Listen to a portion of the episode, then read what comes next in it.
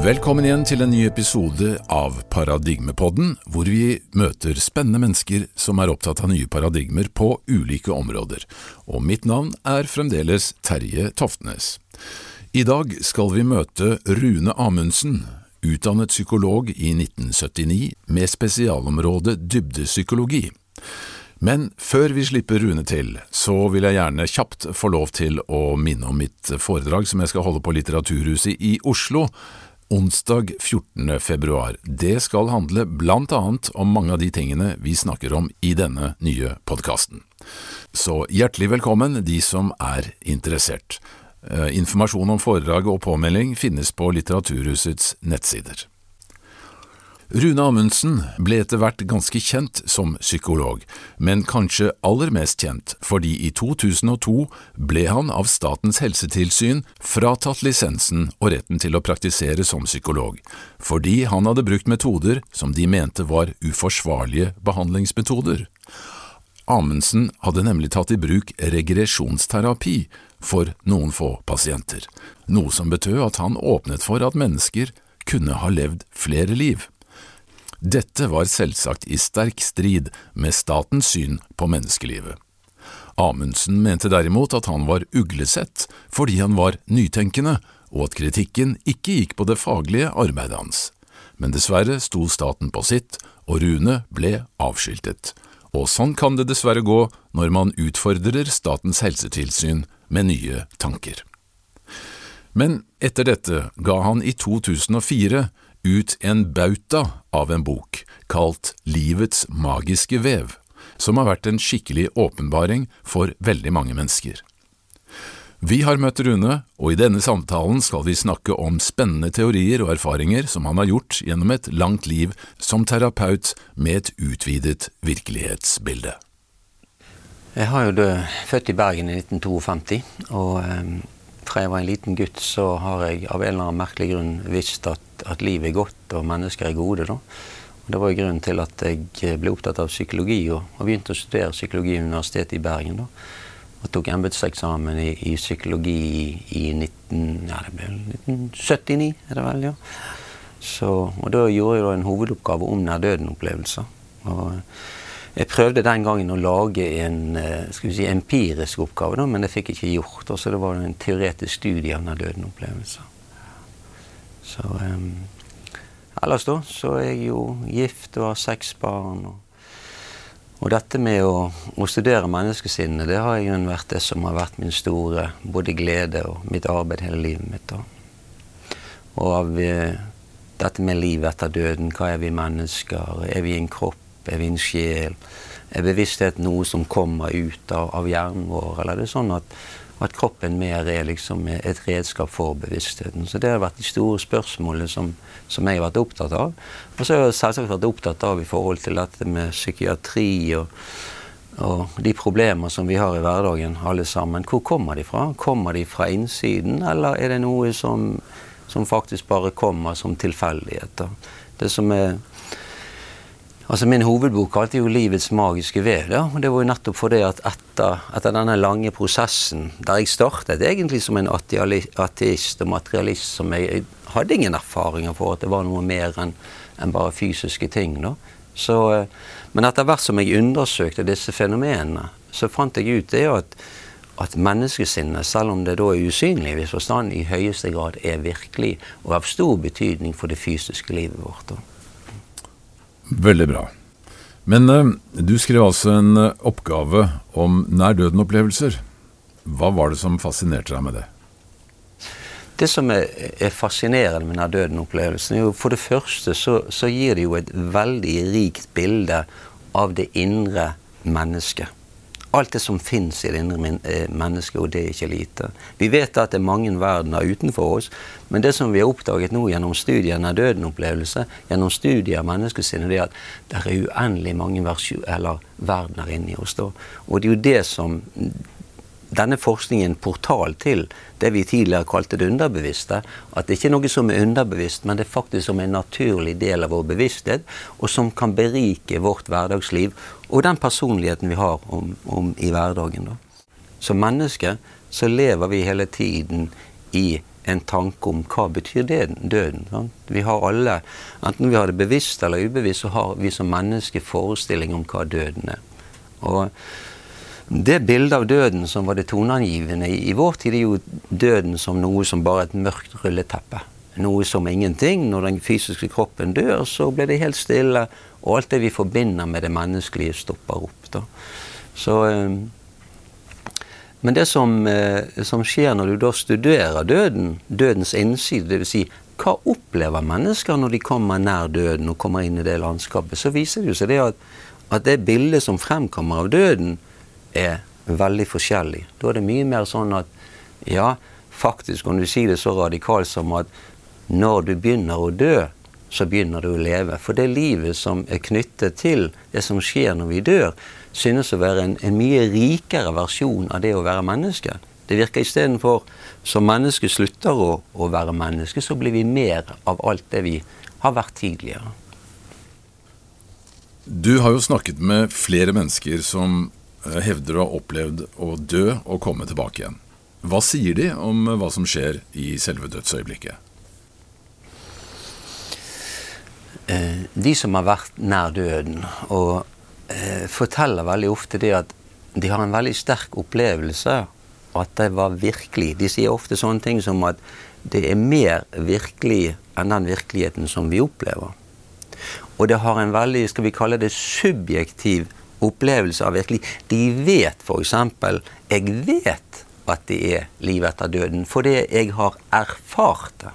Ja? Og dette er òg interessant å si at du trenger ikke være nær døden i klinisk eller fysisk forstand, for den delen av menneskesinnet fins inni oss. da.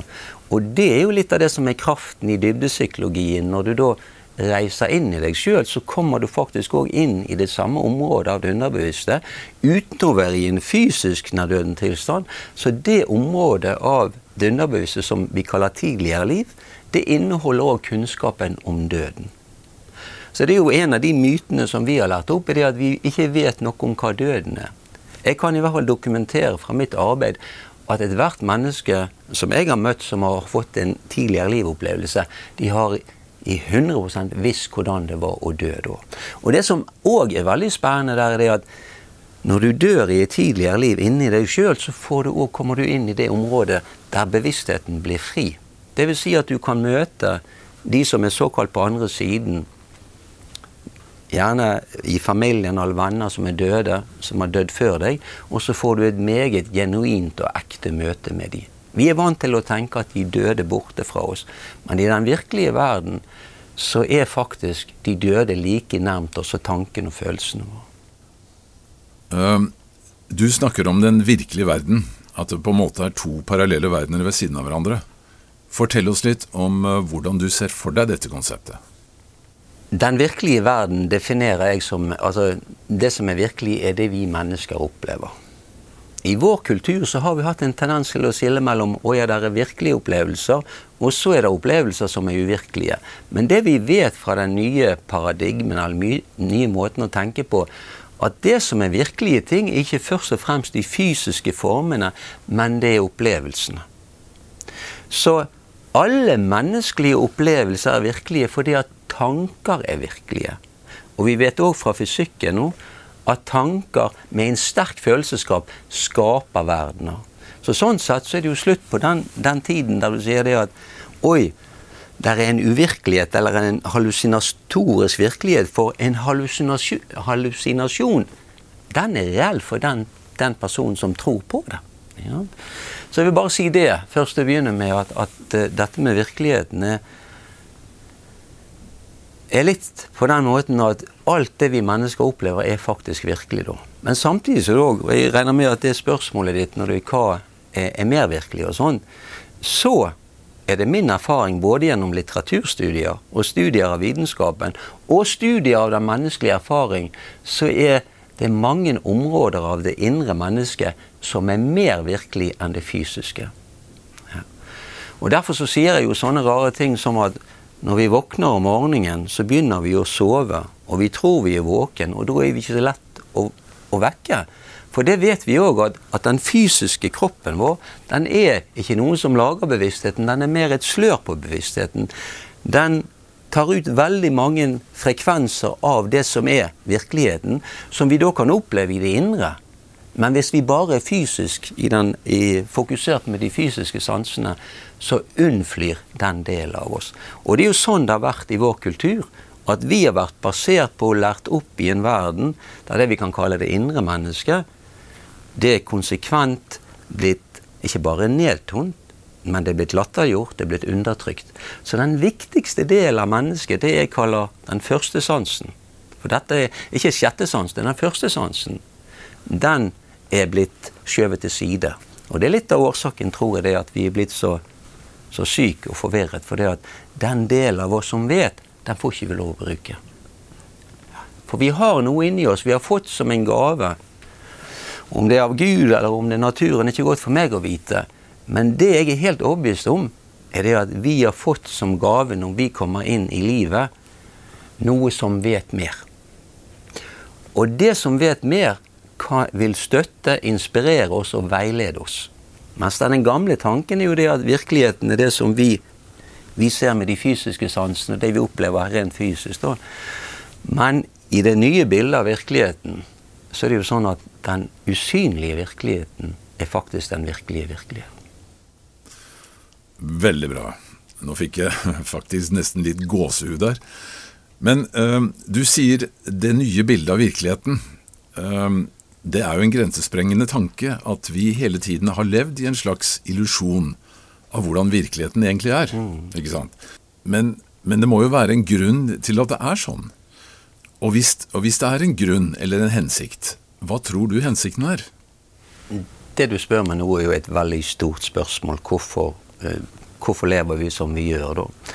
Men ut fra det som eh, Sånn som jeg forstår menneskelivet, det, jeg må jo si det som jeg, sånn jeg forstår det, da, så ser jeg menneskelivet som en Kall omtrent som i eventyrene. Som en heltereise. Der vi er kommet inn i en, i en ganske kald og fremmed verden. Men der vi òg har blitt gitt det vi trenger for å gå inn i heltemyten. Dvs. Si at vi kan, kan virkeliggjøre oss sjøl på en eller annen måte. Vi kan være en askepott, en askeladd. For når vi tør å være den vi er, så er det akkurat som det man kaller selv i dybdepsykologien, eller sjelen, at det blir aktivisert i det fysiske livet. Og da får du den informasjonen. Og så er det òg sånn at det er et viktig begrep som kalles synkronisitet. Og det er to typer synkronisitet i hovedsak. Den ene type synkronisitet kan du kalle frykt. Og den type synkronisitet av frykt, det er den som er veldig påtrengende, som handler om å være et fysisk menneske. Og Da har jeg lyst til å snakke litt om hva jeg har erfart gjennom jeg vil si tusenvis av erfaringer av fødselsopplevelser. Fødselsopplevelser er kanskje det viktigste og mest hyppig forekommende dybdepsykologiske fenomen. Det at du kan huske din egen fødsel, og omstendigheter rundt den. Og i mitt utvalg så er det sånn at og veldig mange av de som er kommet meg, er det klart at de har problemer. Og det er ofte grunnen til at de kommer, da. Så det er litt sånn skeivt utvalg.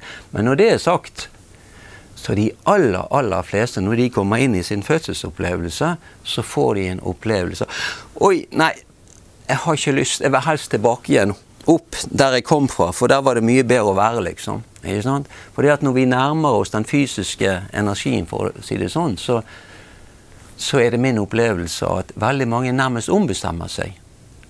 Og de kommer aldri skikkelig inn i kroppen. De går på siden av kroppen sin.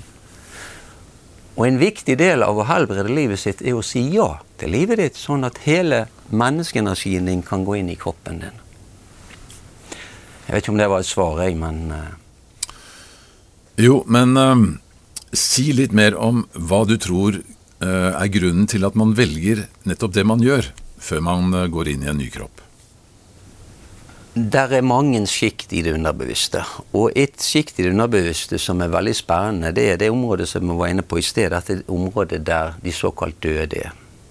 Og i dette området like i nærheten, for å si det sånn, så er òg det området der det synes at sjel eller bevisstheten planlegger livet sitt før han kommer inn og velger den kroppen og det livet. Setter den scenen som han ønsker, og høste livets erfaringer, eller virkeliggjøre seg sjøl, eller hva den personen nå ønsker. For i denne måten å tenke på, så er det sånn at bevisstheten velger. Det setter en scene, og i løpet av det som skjer i det livet, så det er en ting som jeg kaller fødselsvisjon. Dvs. Si at alle mennesker har en glede. Alle mennesker har en positiv oppgave. Og så er det andre det er dette med det fødselstraume, at du kommer inn i verden og, og, og, nesten ikke orker å gå inn i kroppen, for du vet at det er så mye smerte. Det er så mye tunge ting som skal du gjennom, så du så hele denne dansen mellom det jeg kaller fødselsvisjonen, dvs. Si at det er den gleden du har over å være den du er, og du vet at ditt liv er av stor betydning, og det er viktig at du lever ut den du er, det er der hele tiden og er det viktige. Det som er mest fortrengt i livet, er ikke traumer og sorger, det er livsgleden vår. At hvert enkelt menneske er av stor betydning. Og de aller fleste mennesker har mista kontakten med det. Så når folk begynner å følge den fødselsvisjonen, da, så kommer de inn i en synkronisitet av kjærlighet. At ting begynner å falle på plass. Og du møter mennesker som er knyttet til Og det er dette jeg virkelig skal gjøre. Det er dette jeg ønsker å oppleve. Det er dette jeg kommer til verden for å skape. Wow. Veldig bra. Men eh, hvordan får vi kontakt med denne fødselsvisjonen? Det er egentlig veldig enkelt. Men det er veldig vanskelig for mange mennesker, for det, det som er mest fortrengt i livet, det er gleden vår. Så veldig mange mennesker er blitt så vant til å fortrenge det som gjør de glad, det som gir de energi, det som gir de vinger, at de kort og godt har glemt hva som gjør de glad. Og, så da må du begynne å tenke på Oi, hva er det som gjør deg glad? Og fødselsvisjonen den vil snakke til deg i løpet av livet. Jeg kan fortelle litt av sånne opplevelser som er konkrete for meg, da, når jeg har vært oppmerksom på min fødselsvisjon, f.eks.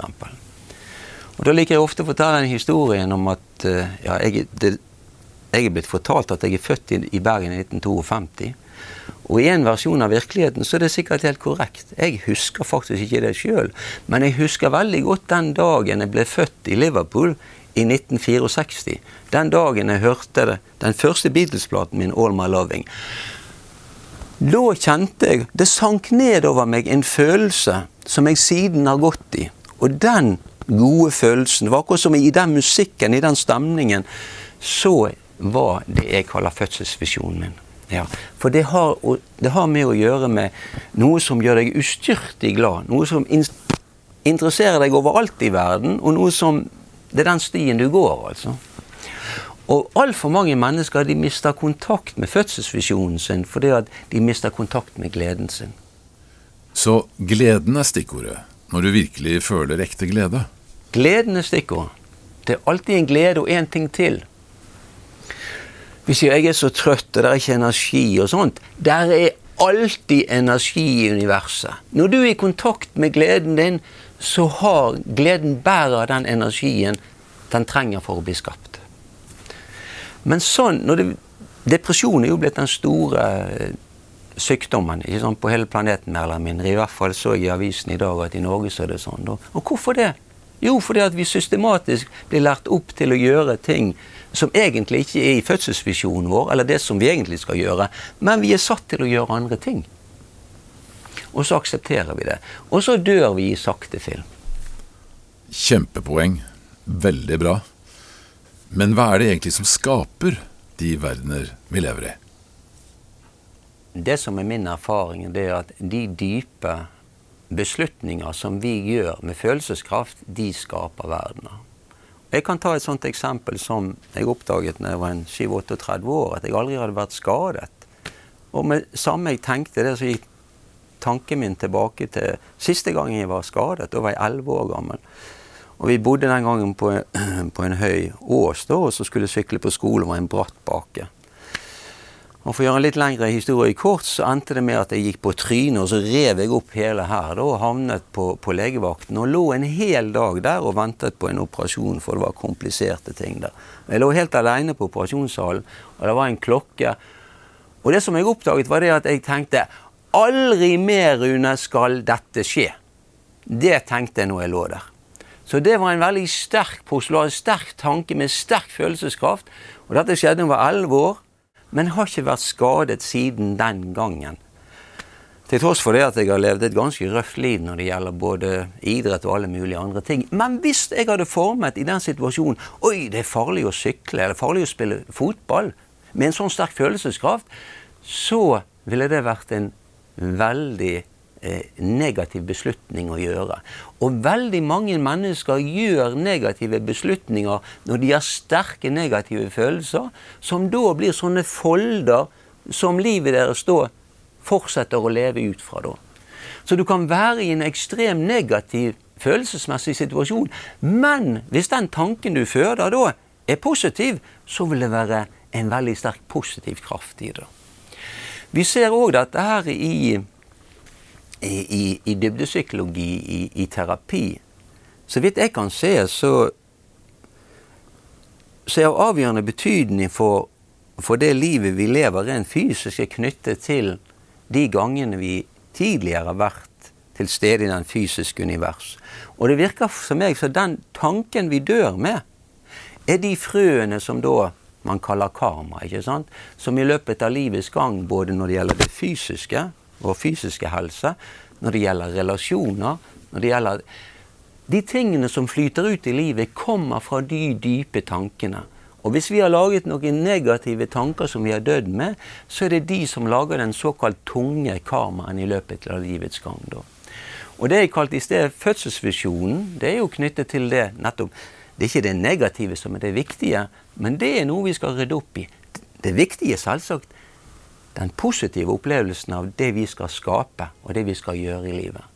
For kanskje det viktigste budskap for dybdepsykologien og det nye paradigmet er at hvert enkelt menneske er av stor betydning. Alle mennesker er av stor betydning. Bra. Veldig bra. Men, eh, men det som jeg aldri har forstått, er altså For det virker jo som vi ofte gjør negative eller dårlige valg i livet. Mm. Og det igjen uh, virker nesten som om sjelen har én intensjon, mens egoet gjør noe annet. Eh, så vidt jeg kan forstå det, så, så er det Når vi velger å, å, inkarnere i den verden som vi har gjort, da, for i, i dette paradigmet så sånn vi velger å gjøre det. Ja, så har vi satt en scene som en stor utfordring. Og vi vet det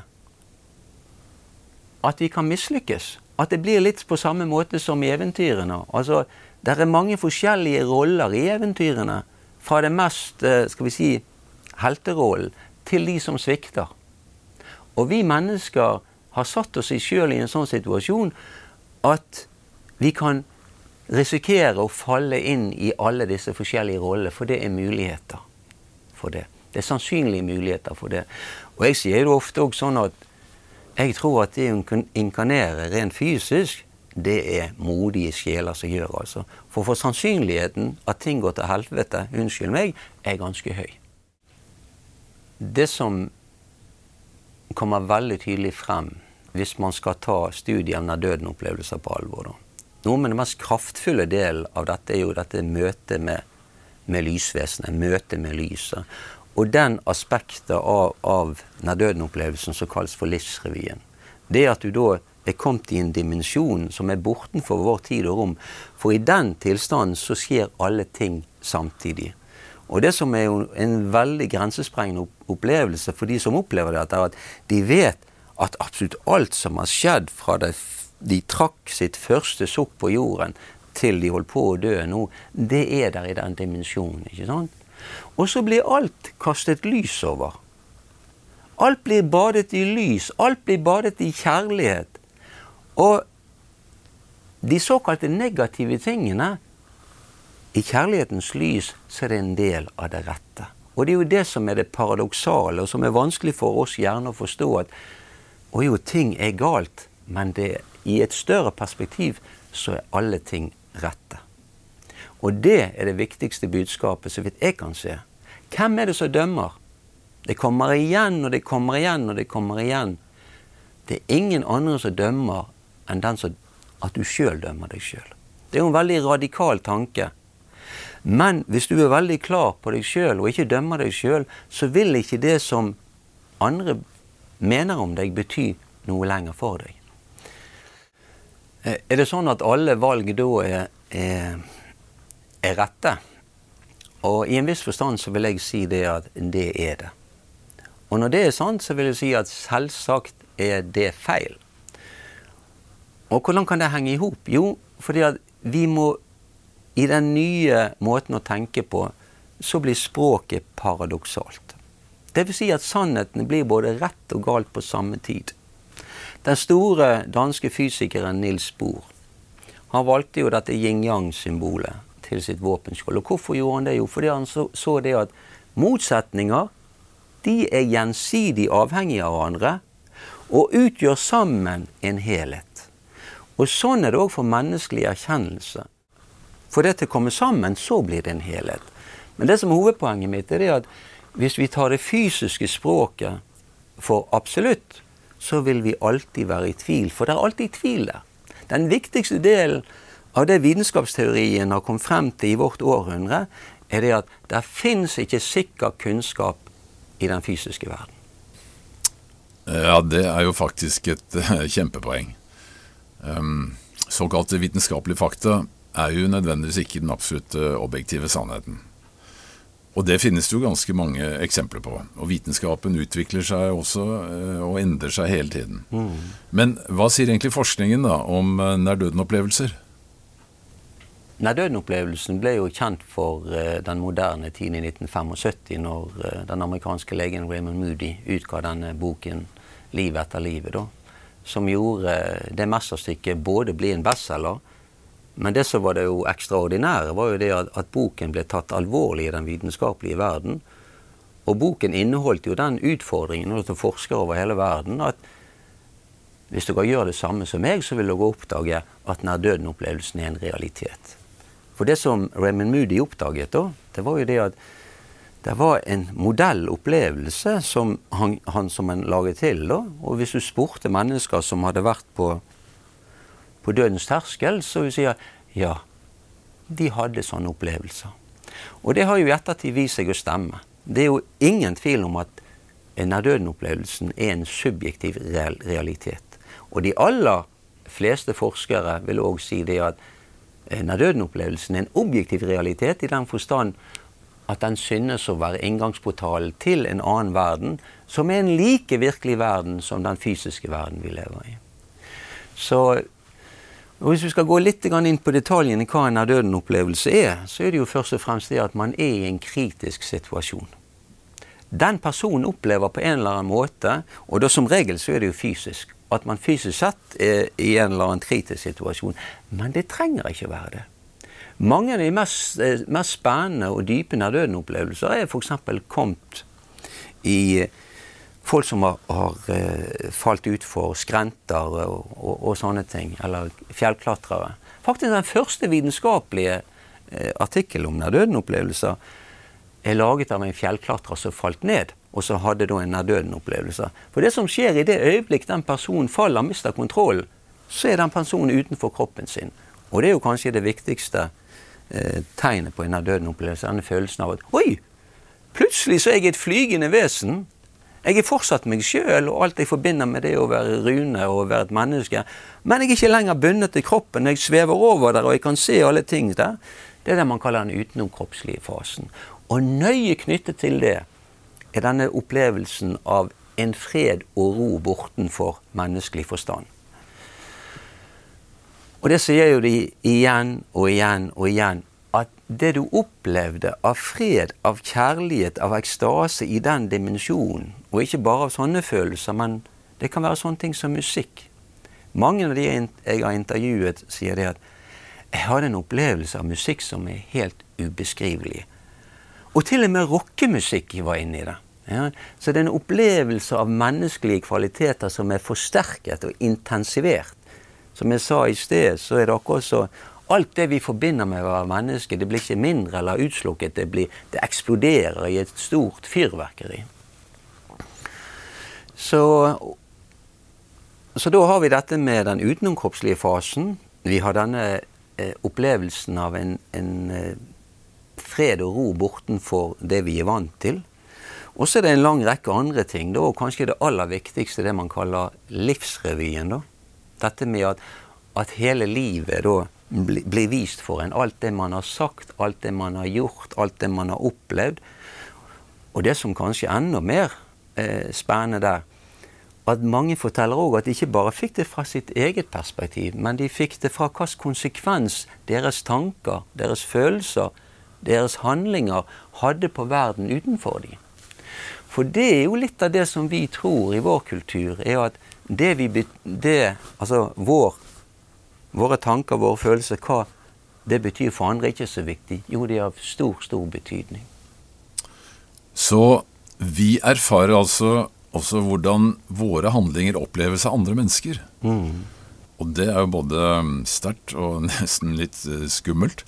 Men igjen, altså hvis vi er udødelige sjeler som kommer fra en høyere dimensjon, er vi da her for å erfare ting vi allerede vet, eller skal vi erfare ting vi ikke vet? Hvis du skjønner hva jeg mener?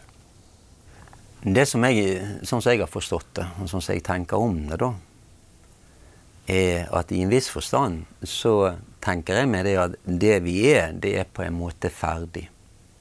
Det som i hvert fall er min konklusjon av studiet av menneskedybdepsykologien, er at det vi er på jakt etter, det er ikke noe vi skal lage til som mennesker, men det er noe som allerede er ferdig, og som vi allerede er, men som vi har glemt.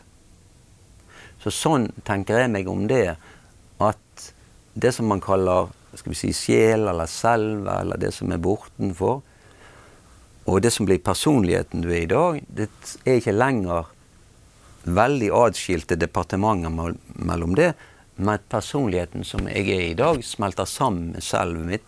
Og jeg vil kunne hente ut informasjon og energi fra selvet mitt når jeg ønsker det. Og da vil det ikke lenger være den atskillelse som vi har opplevd så veldig sterkt i vår kultur, at et voldsomt skille mellom det vi kaller det bevisste og det ubevisste. At vi, vi er helt fremmed for vår såkalt underbevisste liv. da. Fordi at vi har vært så hypnotisert av alle fysiske ting. Ok. Um, hva definerer du som ego? Ego definerer jeg som den personligheten som jeg har formet i løpet av livet mitt siden jeg kom inn i, den, i denne verden. Og jeg pleier ofte å si det òg sånn, og det kan kanskje være en måte å kaste lys over ego, at, at først når vi er blitt voksen, kan vi egentlig føde oss sjøl. For den personligheten, det bildet vi har bygget opp over oss sjøl fra vi var en liten gutt eller jente, er egentlig ikke oss sjøl. Det er noe vi har laget til for å overleve. Veldig ofte i en kald og fremmed og, og skremmende verden. Jeg sier ikke at det er sånn alt, ofte, men veldig ofte så er egoet blitt bygget på et fundament av frykt. Ja. Så eh, det er min definisjon av egoet. At det er det bildet du har laget av deg sjøl i løpet av livet. Du kan si den gamle i den dybdepsykologien så var det jo skillet mellom ego, det som Freud kalte for, for superego, og det som var id. Id er Freuds begrep på det underbevisste, som han definerte da som en uendelig kamp mellom ero, som var livsprinsippet, og tanato, som var dødsprinsippet. Og til slutt så ville jo da Thanatos vinne, ikke sant, for vi døde alle sammen. da. Superego ifølge Freud, det er den straffende delen av den personligheten du former deg. Som gjerne kommer gjennom en straffende og en dømmende far eller mor, eller alle autoritetsfigurer. da. Mens egoet, ifølge Freud, er knyttet til det han kaller realitetsprinsippet. Det er den delen av oss som skal være såkalt objektiv. da. Så, men i, i, den nyere bevissthetspsykologien så kan du si at det er vel to begreper som jeg syns er viktig. Og det er ego. Og det andre er selve. da. Og, og selvbegrepet er jo kanskje synonymt med sjel for de aller fleste. da. Og, og i, i, det begrepet så definerer jeg det sånn at det er noe som vet mer, og det er noe som er evig i fred. da. Så det er en helt annet begrep på, på id, altså det underbevisste, enn Freud hadde. For den store forskjellen fra den psykodynamiske psykiatri til den nye dybdepsykologien er at bildet av det underbevisste er mye mer positivt, mye mer skapende. Ja, faktisk det er det underbevisste som er livets skaper, og vil alltid være det. Nå er det jo mange som sier at vi skal prøve nærmest å frigjøre oss fra ego. Eller i hvert fall ikke la det få for stor plass. Mm. Akkurat som om ego er noe um, veldig negativt. Um, eller skal vi være venner med egoet vårt? Det er av den aller største betydning at den samtalen, og alle mennesker har en samtale med seg sjøl. Og de aller fleste mennesker har dessverre en negativ samtale med seg sjøl. Det er av stor, stor betydning at den samtalen som, som du har med deg sjøl, for det er på en måte ego som har den samtalen med seg sjøl, og at den blir positiv. For desto mer positiv den samtalen blir, desto mer vil den være i synkronisitet og i dialog med selve. For det er litt av det som er ideen i dette her. Et levende ego er en veldig viktig redskap for selve. For det er egoet som avgjør hva som rent fysisk skjer. Du kan si For selve sin del, så i en viss forstand er det min erfaring at selve syns det er knekkende likegyldig hva som skjer. Men egoet, hva vi opplever rent fysisk Vi vet fra fysikken at mange verdener skjer samtidig. Det som er av stor betydning for oss, er det at hva verden er det vi opplever som ego, som personlighet, som kropp? Og det er jo der at den gode samtalen er av stor betydning. For har vi en veldig negativ samtale med vårt ego, så vil òg livet komme inn i en synkronisitet av negative hendelser. Dette med at det fysiske livet er av stor betydning, det er jo kanskje noe eh, det fysiske livet er det åndelige livet, det. Når vi er kommet inn i denne verden, i det øyeblikk vi puster inn i kroppen vår, så er kroppen åndelig. Og det er jo derfor det at, at sånne sitat som, som, jeg elsker, som 'All that lives is holy' av William Blake, da, det betegner denne følelsen av at alt som lever, er hellig. Og vi i den moderne kultur, eller i, i skal vi si, den vestlige kultur, har vært opptatt av at det er bare enkelte ting som er hellige.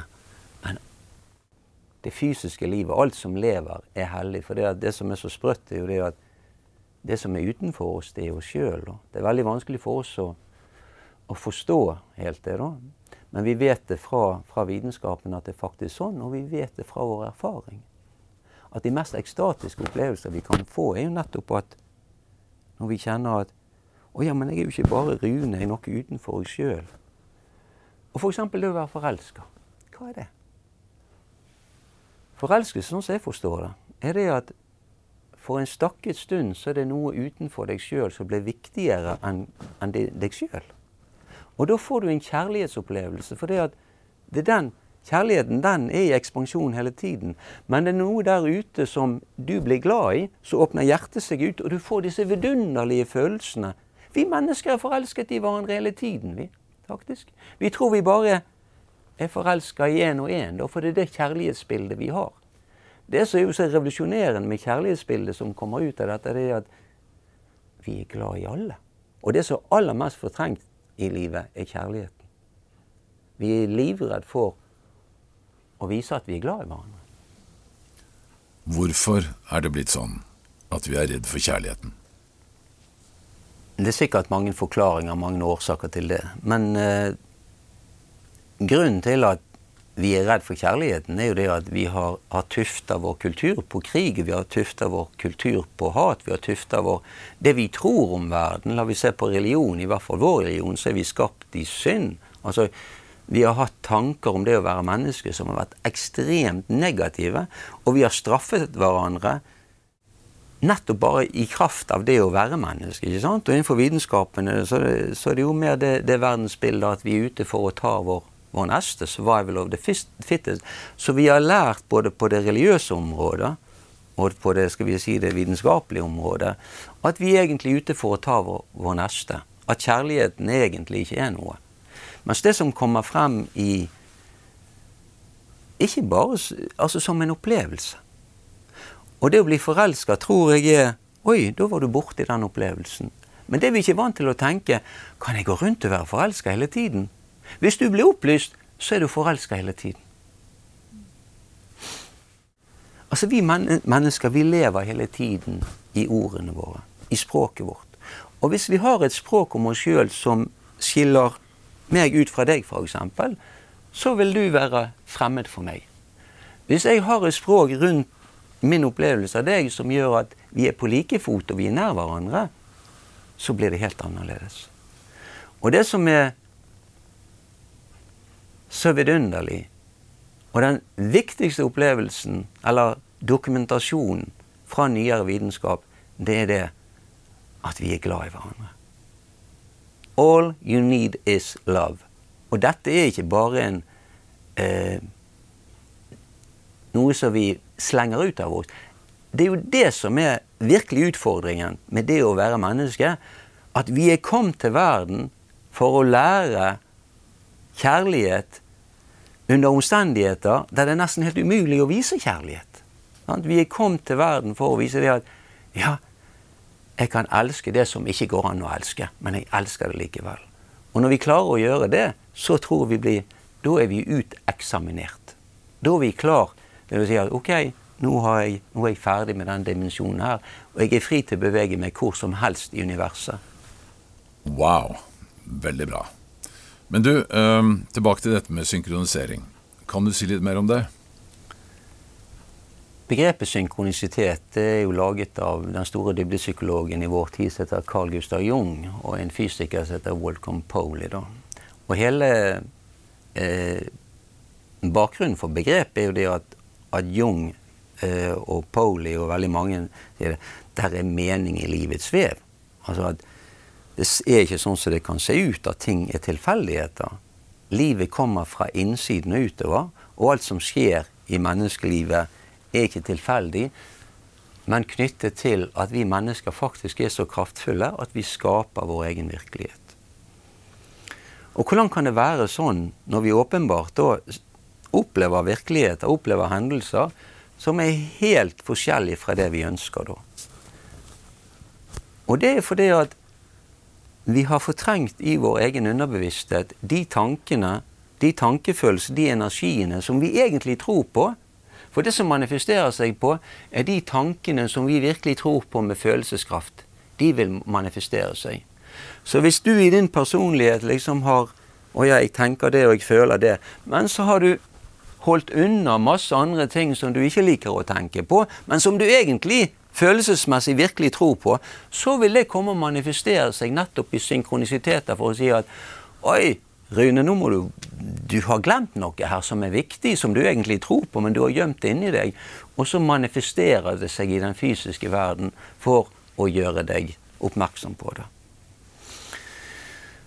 Det samme gjelder kan du si når dette med, med fysiske sykdommer og symptomer i, i, det nye paradigmet så er, kommer de fra innsiden og utover. De kommer fra vår psykiske energi.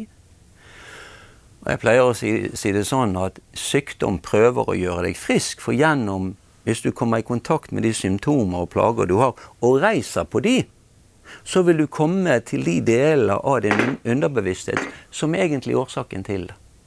Dette er jo hovedmetoden i nyere psykoterapi eller dybdeterapi. Da. At du reiser på problemet, på symptomet, og så følger du den informasjonen og den følelseskraften som er i det, og så begynner den historien da å komme opp fra det underbevisste. Så eh, dette med synkronisitet I hovedsak så er det jo to typer synkronisitet. Da. Det som jeg sier, den er i frykt, og så er det denne som er i glede. Og hvis du oppdager at du skaper ting som du ikke liker, så i denne måten å tenke på, så må det først skje en bevissthetsprosess. Ja, hvorfor skjer dette her? Bevisstgjør deg sjøl på del av din underbevissthet dette er knyttet til, og så helbrede det, og så gjøre et nytt valg. Ja, ja. Men du, tilbake til dette med nær døden-opplevelser igjen. Hva kan vi si om bredden i denne forskningen i dag? Det vi vet nå i, i, i disse tiår som har gått etter uh, Raymond Moody publiserte sin uh, klassiker, da, 'Liv etter liv', det er at når døden-fenomenet er kartlagt fra alle bøyer og kanter. Det er ingen tvil lenger om at det er en realitet, skal vi kalle det både subjektivt og objektivt. Og, og vi vet at uh, dette gjelder alle mennesker, både voksne mennesker, gamle mennesker og helt unge mennesker. Altså denne delen av menneskesinnet er tilgjengelig for oss alle. Ja.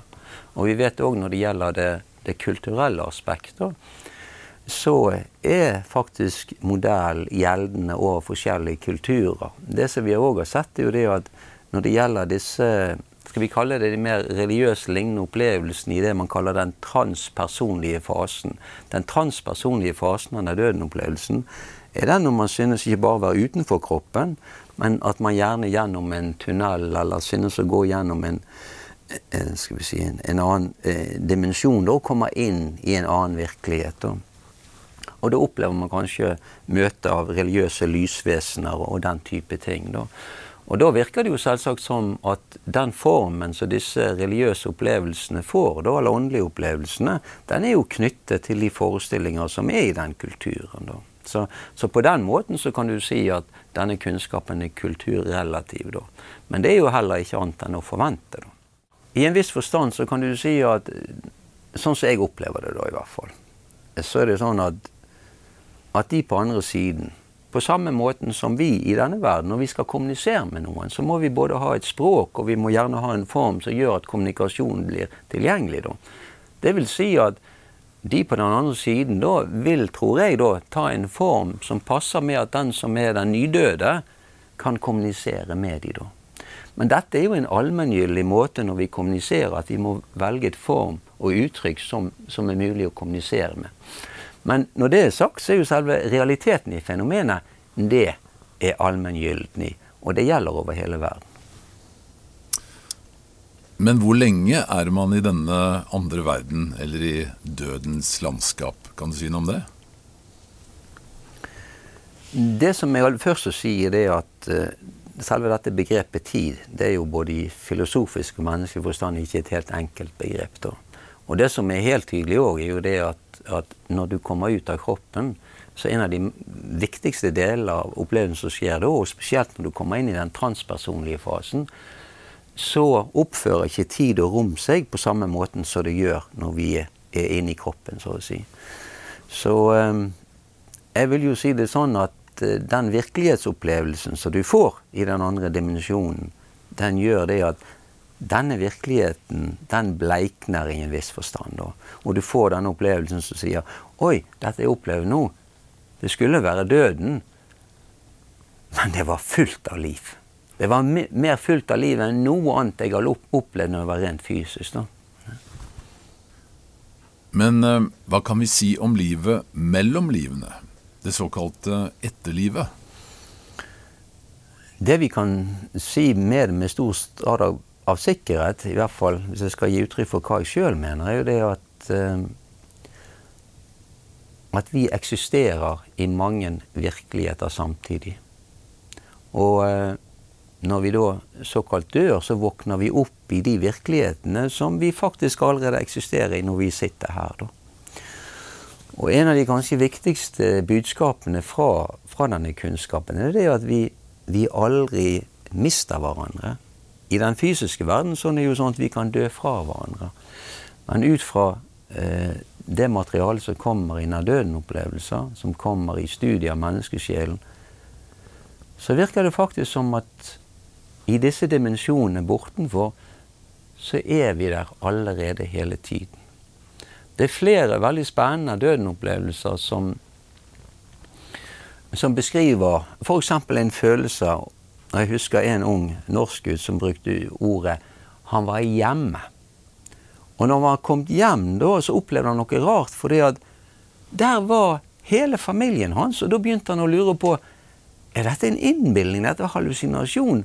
For her er jo alle sammen, ikke bare de som er døde, som jeg hadde forventet skulle være, men her er jo de min søster, og her er min bror, og de lever jo ennå. Og dette er ikke bare en enestående opplevelse. altså Min erkjennelse etter hvert er det at den delen av oss som vi er rent fysisk, det er bare en liten del av oss. Men de mer virkelige delene de eksisterer i disse dimensjonene bortenfor hva vi kaller de sjelsområder. Og der er vi alltid sammen hele tiden. Og det kan være faktisk fortsatt når vi er i den fysiske kroppen, så kan vi oppleve det. Dette er en viktig del av studien av døden-opplevelse. Kenneth Ring, som er en av de store forskerne på feltet, har utviklet noe som han kalte the benign virus hypothesis. Og det går på at han oppdaget det at nær døden-opplevelsen hadde en lang rette veldig positive ettervirkninger. Det forandret ikke bare synet på, på døden, men det forandret synet på livet på en sånn måte at folk opplevde mye større opplevelse av at det var mening i livet deres. Og de forandret seg fra mer material, materielle verdier til at det som var av stor betydning, det var kjærlighet og menneskelige opplevelser. Og det å søke kunnskap. Hvordan kan vi vite at alt dette ikke bare er hallusinasjoner? Ehm, for det første så må vi selvsagt si det sånn i vitenskapen at det er absolutt ingenting i vitenskapen som kan bevises 100% Så det vil alltid være muligheter å sette spørsmålstegn ved denne kunnskapen. Og det er viktig at vi gjør. Når det er sagt, så er det òg sånn at når det er samlet så mye informasjon om et område som tyder på at den mest rimelige fortolkningen i forhold til den informasjonen er den hypotesen, så det er den hypotesen som blir valgt i hypotesen. Det er den hypotesen som er mest sannsynlig i forhold til den dokumentasjonen som du har stablet opp etter hvert. Og når det gjelder nær-døden-opplevelser, så er det helt tydelig at disse ikke er hallusinatoriske. For det første så viser det, som jeg har nevnt allerede flere ganger, at den faktiske informasjonen som samles opp, er vederheftig og til å, å, å stole på. Og når det er sagt, i tillegg til det, så er det jo òg da i, i, dette her sånne sterke mønster som griper inn i livet på en 100% meningsfull måte. da, Så kunne si at dette er hallusinatorisk når det er så relevant både for store og små spørsmål i liv og død, det er faktisk en ganske, spør du meg, urimelig påstand. Vi vet jo òg det at uh, fenomenet det er bekreftet på både tverrkulturelt, bekreftet i, av alle mulige typer mennesker. Både gamle mennesker og unge mennesker. så fenomenet at det er en, en reell og en, eh, Ikke bare en, et reelt fenomen, men det er av, av stor betydning. For det, det forteller veldig viktige ting om hva det er å være menneske. Og litt av påstanden her er jo det at for å snu spørsmålet litt andre veien, så vil si det at det faktisk den fysiske virkeligheten, og sånn som vi ser virkeligheten bare med de fysiske sansene, som er hallusinatorisk. For med de fysiske sansene så ser vi bare litt av virkeligheten. Hva er spøkelser? Hvis du med spøkelse mener noen som er, er mer sånn i et jordbunnspøkelse, da, så er en person som er død, og som er så knyttet til fysiske ting at han har ikke dratt videre når han døde. Så han har blitt værende rundt i disse fysiske om, omgivelsene. Og denne personen har ikke sett opp, og han har vært så hypnotisert av, av alt det fysiske. Så når han døde, så fortsetter han å ha den samme psykiske energien og har holdt seg i, i, i det området. da. Ja. Så det er et spøkelse, spør du meg. da. En som er et, et menneske som er dødt, som på en eller annen måte er bundet til noe fysisk og er der. Så sånn sett så er det en viktig oppgave å hjelpe folk til å dø på en skikkelig måte.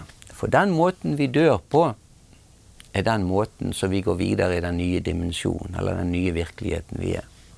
Så, og derfor så er det jo av stor, stor betydning, spør du meg, at denne kunnskapen blir bibringt folk som er i de siste faser av livet, eller som er i livskvelden.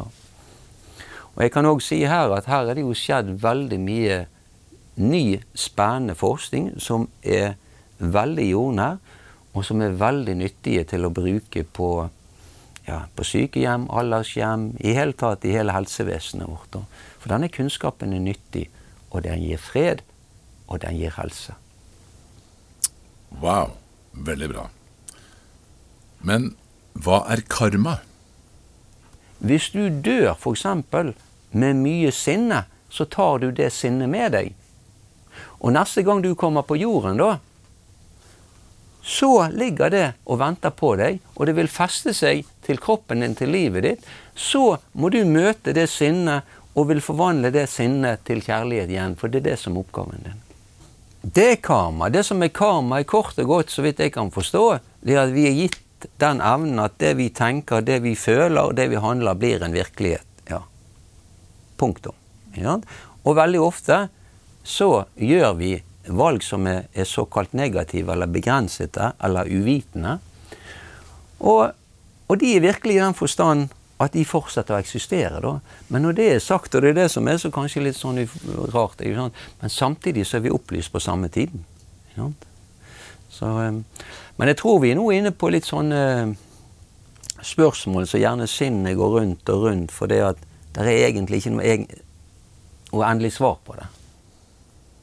Hva mener du er den største forskjellen mellom dette nye vitenskapelige paradigmet og de gamle orientalske visdomstradisjonene?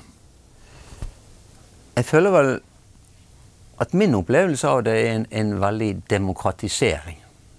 At det er en veldig folkeliggjøring. At det er veldig alminneliggjøring. At det nye eh, paradigmet, og det i og med at det bruker, skal vi kalle det, eh, vitenskapelige, nøytrale begreper, da, ikke religiøse begreper. da. Og så samtidig så, eh, så er budskapet om at dette gjelder alle. Alle og alt er hellig. Det er en veldig eh, Det passer veldig mye med, godt med den følelsen jeg hadde fra jeg var en liten gutt, at, at livet er godt. Det, det nye paradigmet forteller veldig mye om at vi mennesker, eller er skapende, vi er kraftfulle. Vi er gitt den gaven av naturen, av, av Gud, at vi skaper verdener gjennom det vi tror på, det vi føler, og det vi handler på. Da. Så det som jeg opplever som den store forskjellen, og det, om det er rett eller galt, det vet ikke jeg, men i hvert fall i orientalske tradisjoner så er det veldig mye snakk om en guru. ikke sant? Det er heller en prest i de mer vestlige. At det er ytre autoriteter som du skal gå i lære hos. I det nye verdensbildet så skal du gå i lære i ditt eget selv. Det er der kunnskapen er, og det er gjennom direkte erfaring med ditt eget liv og ditt eget indre at du når opplysning. Ikke via andre. Men uh, det høres jo så enkelt ut at uh, jeg har uh, svarene inni meg. Mm. Men hvordan skal jeg finne dem, da? Vi har en uendelig kilde av indre visdom. Og det som er, er det mest spennende av alt, er det at den kilden til visdommen er alltid tilgjengelig for oss. Det er kanskje tre hoveddeler av studiet av menneskedeler. Den ene er de deler som hva skjer før vi blir født, f.eks. reinkarnasjonsforskningen. Og hva skjer etter vi har blitt født, som nær-døden-forskningen og sånne ting. Men vi har jo et annet stort felt som er dette som har med kanaliseringsfenomen å gjøre. Og som gir veldig sterke indikasjoner på at når et menneske er på plass i seg sjøl, så kan det kanalisere ned fra øyeblikk til øyeblikk akkurat den informasjonen, den visdommen det trenger. Og at det å være spontan levende er knyttet til nettopp at den tilgangen for visdom er tilgjengelig hele tiden. Hvor kommer denne visdommen fra?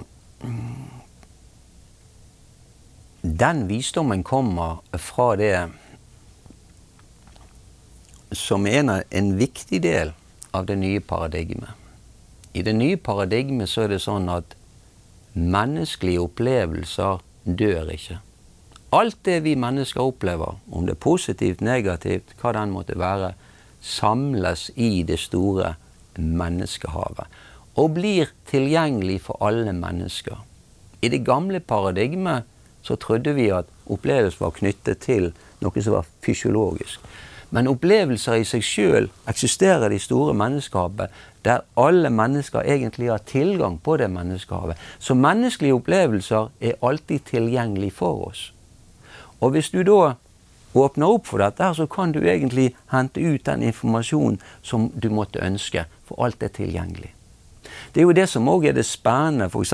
I, i, i de typer nær-døden-opplevelser, der det er helt tydelig at f.eks. som en sa til meg Jeg visste alt da. Jeg visste, Hvis du hadde spurt meg om hvor mange fluer som var i det rommet, så ville jeg visst antall fluer. Altså det er en type, type form for, for kunnskap, visdom, som ikke er sånn at du analyserer deg frem til kanskje det eller det eller det eller det. Du bare vet ting. For du bare vet ting. For når du er i kontakt med en følelse, så er informasjon i den følelsen. Så når du da blir vant til det, er jo det man kaller intuisjon. Oi, jeg har følt Og du vet Å ja. Når du føler det, så er informasjonen i følelsen. Og det sier det nye paradigmet. Det stemmer. Når det er sagt, så må jeg òg si det at det er utrolig viktig at vi bruker den delen som er den mer rasjonelle, som er den analytiske. Den delen som sier at Som skal hjelpe oss til i den fysiske verden. Men det som vet, det er bortenfor. Og det vil være der fra øyeblikk til øyeblikk til øyeblikk til øyeblikk. Og så er det egoet sin oppgave å sørge for at kroppen til enhver tid er der sjelen Min erkjennelse er det at de som velger å, å, gå den veien som ligger i det nye paradigmet Og det nye paradigmet er veldig radikalt i den forstand at det er ingenting som skjer i livet ditt som er tilfeldig. Alt kommer fra din innside og utover. Da. Så det er en veldig radikal måte å leve på og tenke livet, da. Det er ikke mystisk. Alt i livet ditt er av stor betydning. Og når vi begynner å legge merke til alt i livet vårt, så vil vi begynne å se at det er en del mønstre som gjerne repeterer seg. Og vi vil legge merke til livet som det er av betydning. Og når vi begynner å legge merke til som at det er av betydning, og vi òg begynner å legge merke til vårt indre liv, at det òg av betydning, og vi òg har den hypotesen Det er noe inni meg som vet mer, og jeg forventer at det skal snakke til meg. Så da får du erfaringer. Og det er, er veldig viktig inni dette her. At du får erfaringer du skal gjøre dine egne erfaringer. Du skal ikke bare høre hva jeg eller andre eksperter sier. Sånn. Det er gjennom dine egne erfaringer i livet ditt at du ser om du er i kontakt med skal vi kalle en synkronisitet av kjærlighet eller en synkronisitet av frykt. Det som dette paradigmet sier, er det at hvis du tar telefonen, hvis du våkner opp om morgenen for når vi våkner om morgenen, så plutselig er det jo mange av de som har hatt nær-døden-opplevelser, som beskriver kroppen som et fengsel. Og i en viss forstand så tror jeg det, det er rett å be, betegne kroppen som et fengsel. For den, den, lager et slør på virkeligheten. Og det sløret er sånn laget at, at du ser ikke alle de andre delene av virkeligheten. Da. Men hvis du da begynner å bli oppmerksom på at, at sånn er det, og at det store deler av virkeligheten, de viktigste deler av virkeligheten er såkalt usynlige, men de kan snakke til deg gjennom følelser, gjennom intuisjoner, gjennom at du begynner å legge merke til livet ditt. Så er det en Jeg vil nesten si at det er som et vitenskapelig eksperiment at du, du får gjennom erfaringer Og ja, stemte det, så skal det funke. Du, øh Tilbake til noe som vi kanskje allerede har eh, toucha. Eh, kan du si noe om positive og negative tanker? Du kan si Vi har, vi har tre forskjellige deler av menneskelivet. Det, vi har tankene våre, vi har følelsene våre, og vi har handlinger i, i kroppen. Tankene våre vil være delt i to deler. Du kan si i bevisste tanker og i ubevisste tanker. Det samme med følelsene. Og òg i kroppen vår.